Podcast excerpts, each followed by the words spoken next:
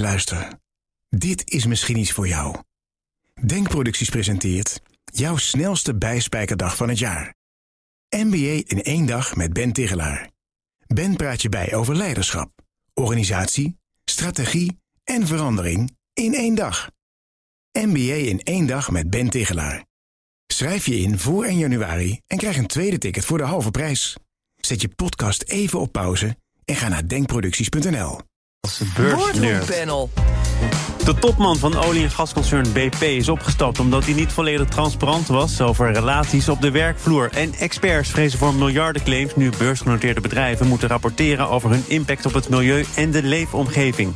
Dat en meer bespreek ik in het boardroompanel met Annemieke Robeek, commissaris bij Eneco en Randstad Holding Nederland, hoogleraar strategie en transformatiemanagement aan de Nijrode Business Universiteit. En Marilieke Engbers, universitair hoofddocent verbonden aan de Vrije Universiteit, associate partner van adviesbureau Reconsulting, schrijver van het boek Onder Commissarissen. Welkom, leden. Dankjewel.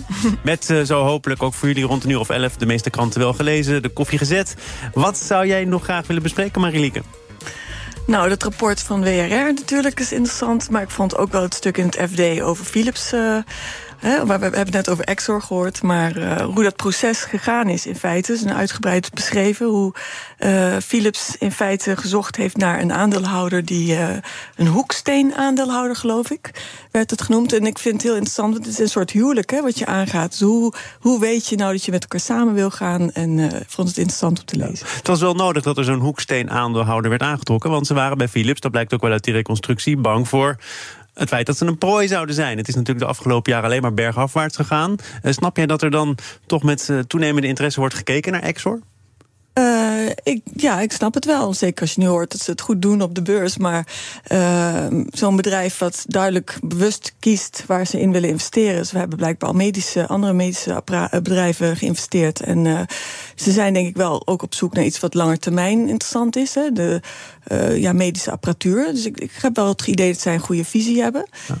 En wie was, wie was er nu, als je die reconstructie uh, tot je neemt, uh, de, de eisende partij? Want het ging ook over hoeveel procent van de aandelen dan. En wat hoort daarbij? Hoort daar een zetel in de Raad van Commissarissen bij? Ja, ja, er werd dat... volgens mij gezegd, ja, dan, dan wel minstens 15 procent en ook maximaal 20. Maximaal 20, ja. ja. En een zetel in de RVC inderdaad, waarmee ze de koers kunnen uh, beïnvloeden. Maar wel, geloof ik, heel erg van gaan proberen een kritische, positieve partner te zijn. Dus ja, ik vond het op zich wel goed klinken, eerlijk gezegd.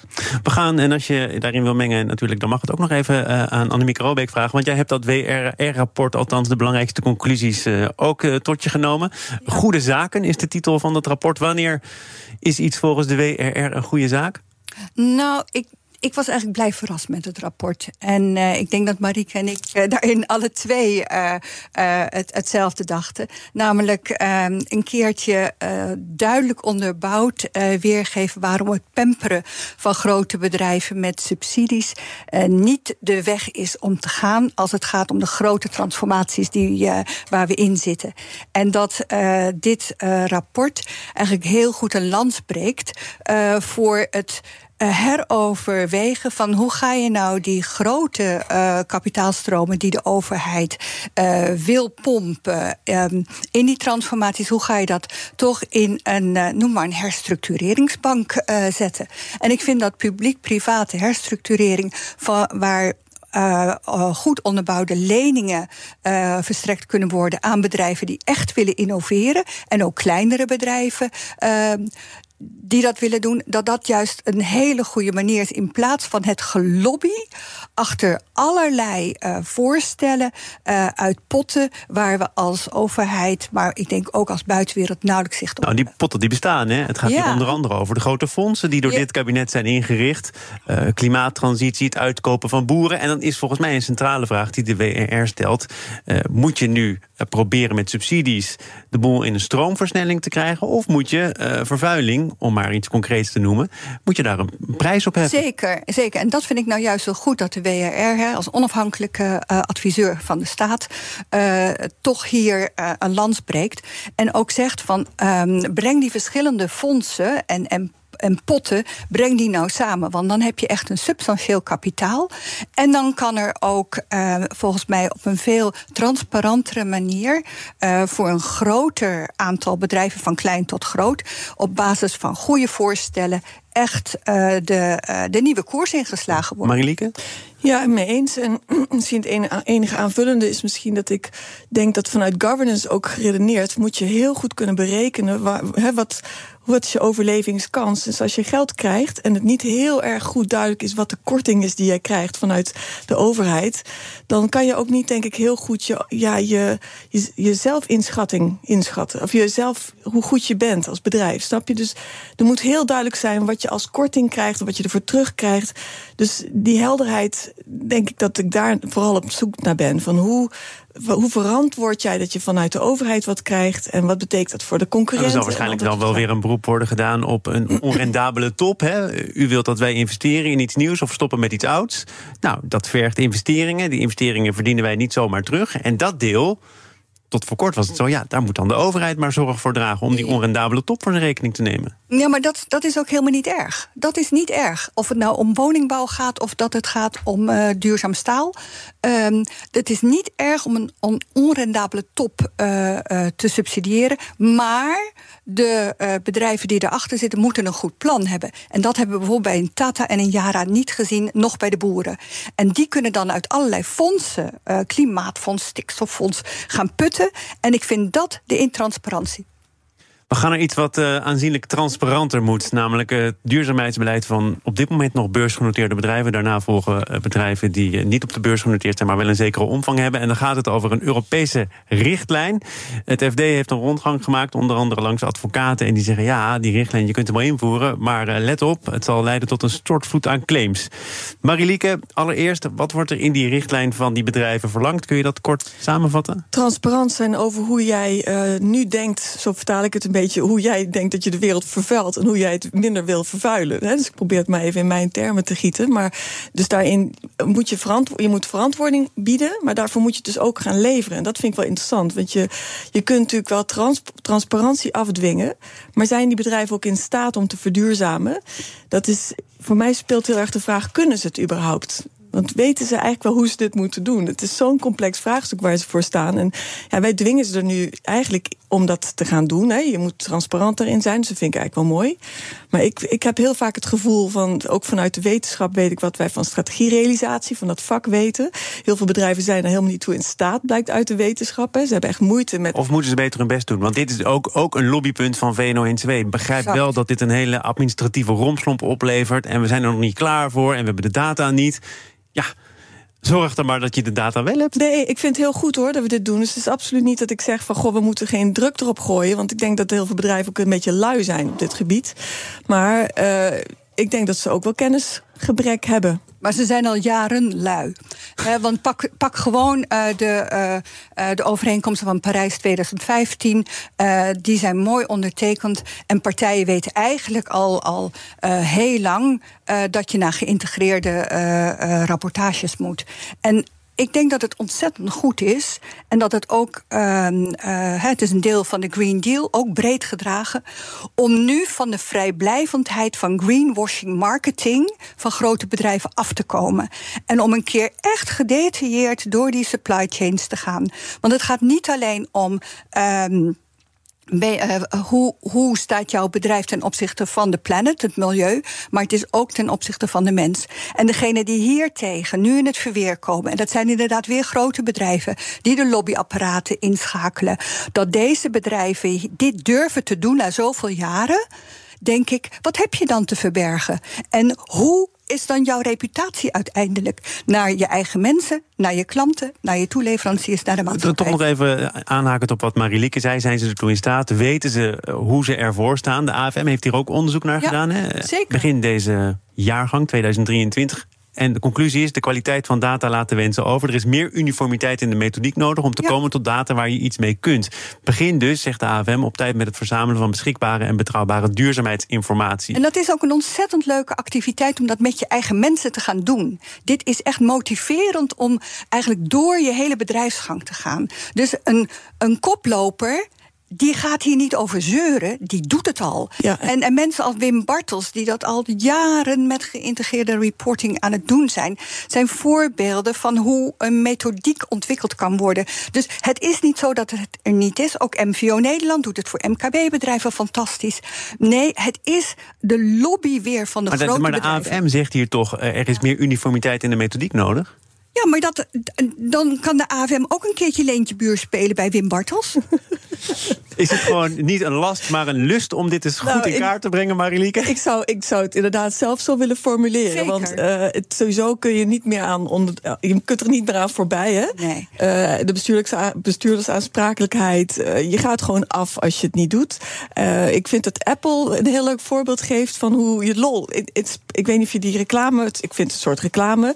Maar ze hebben een spotje wat nu rondgaat over hoe zij dus in een soort van filmpje, het is een toneelstukje gefilmd van hoe zij verklaren wat ze hebben gedaan. En ik vind er wel lol in uitstralen. Dus het is niet een saai rapport. Ze hebben dus eigenlijk een filmpje gemaakt, een soort narratief gefilmd. Hoe zij dus eigenlijk ja, naar, de, naar hun publiek verklaren wat zij al hebben gedaan op verduurzaming. En daar, ja, ik denk dat is leuk. En als je dan te weinig doet, want het gaat hier over juridische claims, dan wordt er onder andere gewezen op wat jij al zei, de bestuurdersaansprakelijkheid.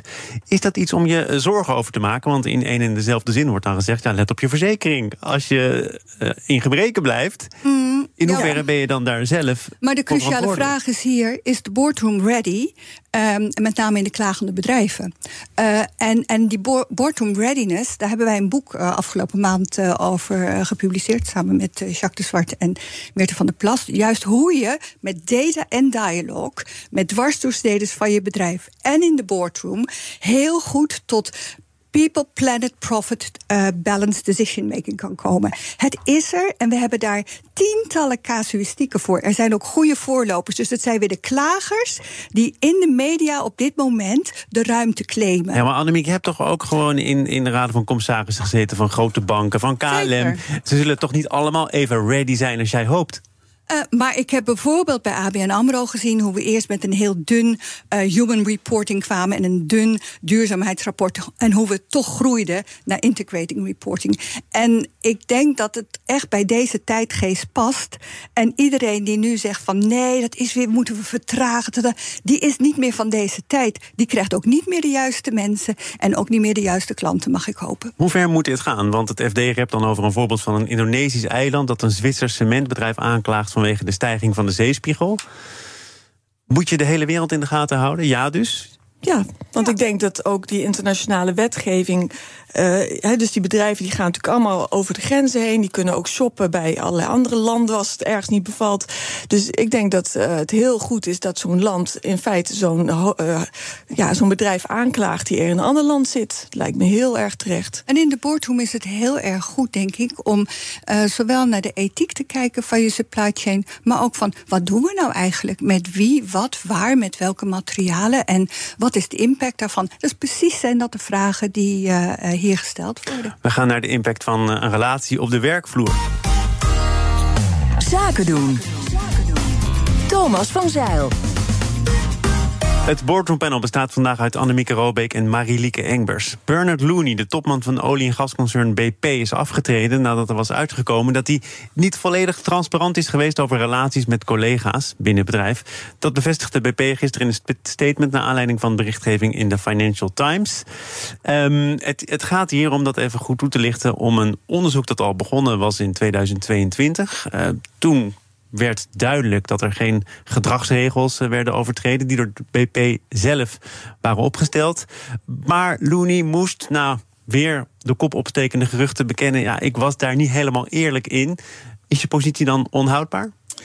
Ja, dat denk ik wel. Ik denk dat dat. Kijk, je kunt afvragen of het oorspronkelijke onderzoek naar of hij. Uh, wat, wat, ja, wat, ik vraag me trouwens af, wat heeft hij dan precies voor? Waar gaat het over? Gaat het over seksuele relaties? Maar goed, dat is even terzijde.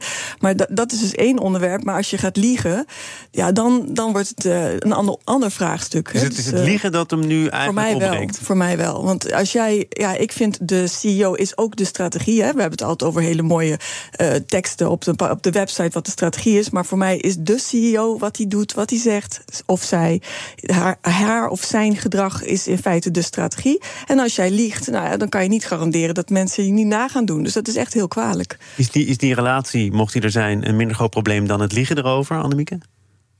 Ik denk dat, um, dat dit eigenlijk een heel langjarig probleem is. Um, de man zit heeft alleen maar bij BP gewerkt. Begin jaren negentig, hè? Ja. ja. Ja, ja, Dus hij zit al heel lang en hij heeft helemaal opge is opgeklommen op die apenrots. En dan zit hij al heel lang daarboven. En hij, hij um, acht zichzelf eigenlijk onaantastbaar. En dat is zeg maar waar telkens dit soort gevallen uh, naar boven komen. Maar je kunt je ook afvragen: hebben ze collega's dan niet uh, een kritische opmerking geplaatst? Hè, wat Marielieke ook net zegt. Of uh, zou de Raad van Commissarissen, die moet ook dit soort... Het is nou interessant om even met jullie te bespreken. Jij hebt daar boeken over geschreven, het ongezegd in de Raad van Commissarissen. Heb je je voelsprieten wel goed afgesteld. Precies. Wat is daar gebeurd? Of belangrijker, wat is er niet gebeurd, denk jij? Ja, ik denk dat een, een zeker een langzittende bestuurder... die kan natuurlijk dat spel heel goed met de commissarissen spelen. Die informatieasymmetrie is gigantisch. Hè? De bestuurder die weet alles. De afhankelijkheid van de commissarissen van die CEO is heel groot. Ze hebben die informatie nodig. En zij zijn ook heel erg onafhankelijk van elkaar. Hè? Want uh, als één commissaris kritisch is naar de bestuurder, dan moet de rest ook mee willen doen. Anders dan ben jij als enige, de Thomas in mijn boek, dan hang je. Hè? Dus uh, dat is een heel ingewikkeld spel. En als een goede een CEO het, het, spel voor zichzelf goed speelt, zorgt hij ook dat de commissaris niet in zijn organisatie gaan rondlopen om met stakeholders te, te spreken. Dus Dan moet je dus niet meenemen. Nee. Ja, want bijvoorbeeld, als er echt uh, zaken zijn, en ik heb het dan nu niet over relaties, maar over uh, zaken die bijvoorbeeld bij de medezeggenschap uh, wel bekend zijn, dan vind ik het dus heel belangrijk dat je dat ook hoort. En dat je dus juist wel, natuurlijk in overleg met je voorzitter en met de CEO, maar dat je wel de ruimte hebt om de dialoog aan te gaan. Want alleen dan hoor je de echte informatie die we nooit in de stukken krijgen.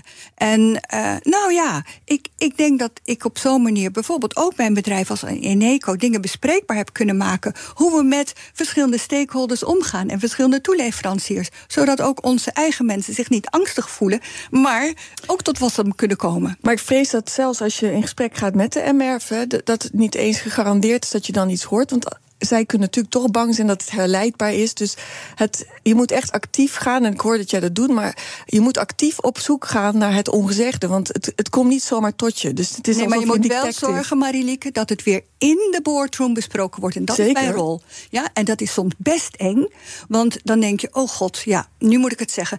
En dan moet je het ook zeggen. Ja. Uh, en eigenlijk zijn, is iedereen daar blij mee. Want iemand moet het zeggen. Had deze man het nou gered als BP er geweldig voor gestaan had. Hè. Laten we niet vergeten, BP heeft een flinke afschrijving moeten doen op Rosneft. Heeft eh, een behoorlijke draai gemaakt in hoe groen willen we eigenlijk zijn. Mm. Eerst wel, toen niet. Met mm. andere woorden, hij heeft niet alleen maar succesnummers op zijn naam staan. Doet dat er in deze kwestie nu ook nog toe? Stel dat hij het bedrijfsmatig fantastisch had gedaan. Hadden ze dan gedacht, ja, Bernard, scheef schaats, niet helemaal netjes... maar onze zegen heb je. Mm, nou, Weet je, hij heeft best wel wat uh, gemeanderd. Um, van heel groen naar uiteindelijk toch weer heel fossiel. Um, hij is ook uh, niet altijd het toonbeeld geweest, uh, ook in het verleden niet, naar uh, iemand die het rolmodel was die nou, voor zijn mensen staat. ik, ik, lees hier in een Belgische krant, gisteren heb ik dat overigens gedaan. hij was een enorme supporter van de LHBTQ-gemeenschap. Hij bemoeide zich tot aan het snoepgoed aan toe wat er op de BP-tanks gebeurde. Hij zette zich in voor kwesties rond geestelijke gezondheidszorg. Doneerde op het dieptepunt van de pandemie 20% van zijn salaris aan een Britse liefdadigheidsorganisatie. Hij heeft gezorgd voor een evenwichtige balans tussen mannen en vrouwen in het bestuur. Niet helemaal niks. Nee hoor, nee. Dat, maar dat is ook wel gewoon goed uh, werkgeverschap. Ja, ja. Maar, maar, maar, aan de andere kant kun je ook meetellen in deze afweging? Mm, nee, is hij houdbaar of niet? Nou ja, ik denk dat deze zaken, eh, zeker als het relaties zijn... Uh, dan, uh, dan ga je gewoon echt een, uh, een streep over. Maar sowieso, ja, wat je allemaal zegt te doen en wat je werkelijk doet, zijn ook nog twee dingen. Dus iemand die zegt: Ik ben heel erg voor. Ik, ben, ik, vind respect van belang. Die kan ook tegelijkertijd iemand uitvoeteren. Dus uh, daar op zoek. Dat, het zijn hele subtiele verschillen of een leider goed is. Dat voelt de omgeving. Of iemand tegenkracht, noem ik het maar even, wil. Dat is voelbaar. En als iemand zeg maar feedback krijgt en die reageert heel vervelend, dan kan het grote consequenties hebben in een grote club. En dat weten wij natuurlijk als buitenstaanders niet precies hoe iemand zo daarmee omgaat, maar, ja, omgeving wel. Maar onderliggend is natuurlijk wel terecht jouw vraag, Thomas, hè, van uh, is er een stok gevonden dat ze gewoon van hem af wilden? En dan is deze een hele makkelijke. Ja. Uh, niet omdat ik het wil, maar omdat ik het moet, ga ik jullie even de mond snoeren. Mm. En dan zijn jullie zo meteen terug, onder andere om te praten over uh, ja, het faillissement, nog altijd springlevend van OWAT. En dat boardroompanel bestaat uit Annemieke Robeek en Marilieke Engbers. Het faillissement van OAT Reizen in september 2013 had volgens de oprichtersfamilie en de curator voorkomen kunnen worden als de bank het bedrijf meer tijd had gegund. Of dat ook echt zo was, ja, daar gaat een hoger beroep over. Uh, laten we om te beginnen um, teruggaan naar 2013, september 2013. Even luisteren naar de reactie van de toenmalige directeur van OAT, Julius Ter Haar, op het moment dat vaststond dat zijn bedrijf failliet zou gaan. U bent een telg van de oprichter. Wat, wat doet dit met u? Ja, het is verschrikkelijk. Uh, als je gisterenmiddag, uh, einde middag, uh, ja, eigenlijk in de gezamenlijkheid ook met advocaten tot de conclusie komt dat dit de enige weg is. Um, ja, dat is, dat is, dat is verschrikkelijk. je weet natuurlijk, je zit in een afschuwelijke achtbaan in de afgelopen periode... waar die bank onder ons in heeft meegenomen. dat, is, dat is bijna onmenselijk. Die bank, dat is Rabobank. En Rabobank had al wat al geparkeerd bij de afdeling bijzonder beheer. Er was nog een krediet van 7 miljoen. En dat werd ingetrokken. Daarover is overigens al een zaak gevoerd. De rechtbank Midden-Nederland oordeelde vorig jaar dat de Rabobank dat krediet van OWAS had mogen opzeggen. Ik ga eerst even naar een spookrijder. Rijdt u op de A1 Amersfoort Amsterdam, komt u tussen Blarikum en Knoop Diemen een spookrijder tegemoet. Haal niet in, blijf rechts rijden. Probeer de spookrijder met lichtsignalen te waarschuwen. Ik herhaal, rijdt u op de A1 Amersfoort Amsterdam, komt u tussen Blarikum en Knoop het Diemen een spookrijder tegemoet. We hadden het over OAT, het faillissement van OAT en de rol die Rabobank daarin speelde. En het opzeggen van een krediet waarover een eerdere rechter zei dat was uh, rechtmatig, daar was niks verkeerd aan. Waarom, uh, Annemiek, zou je dan nu toch nog een hoger beroep willen voeren over de zorgplicht en de rol van die bank? Nou, omdat ik. Uh, ik, ik, ken niet alle ins en outs van deze zaak. Hè, en het is ook al tien jaar geleden. Maar we weten wel dat OWAT eigenlijk een, uh, een heel uh, goed bedrijf was. waar ontzettend veel Nederlanders mee op vakantie gingen. Ik ben ook een keer ermee naar Oostenrijk gegaan met de bus. Um, Aan jou ligt het niet? Nee, we hebben het geprobeerd. En het was goed. Uh, maar Um, ik wil eigenlijk wel naar die zorgplicht toe van die Rabobank. Want op dit moment gaat het weer om uh, eigenlijk juridische haarkloverij. Um, en ik denk dat we het in een groter verband moeten zetten. Dat is eigenlijk het belang van dit, uh, dit item. De Rabobank um, uh, is aan de ene kant een bank die heel graag uh, veel kredieten afzet. Hè? En dat is natuurlijk ook commercieel interessant. Maar dat hebben ze gedaan uh, bij, uh, bij OAT. En dan kan je je ook afvragen: hebben zij dan inderdaad heel goed gekeken voordat ze dan dat krediet afgaven? Uh, maar hetzelfde heb ik ook gezien in het Westland. Hoe de Rabobank zoveel tientallen tuinders opzadelde met veel te grote kredieten voor veel te grote kassen die niet meer volkwamen. En we zien het tegelijkertijd bij de megastallen.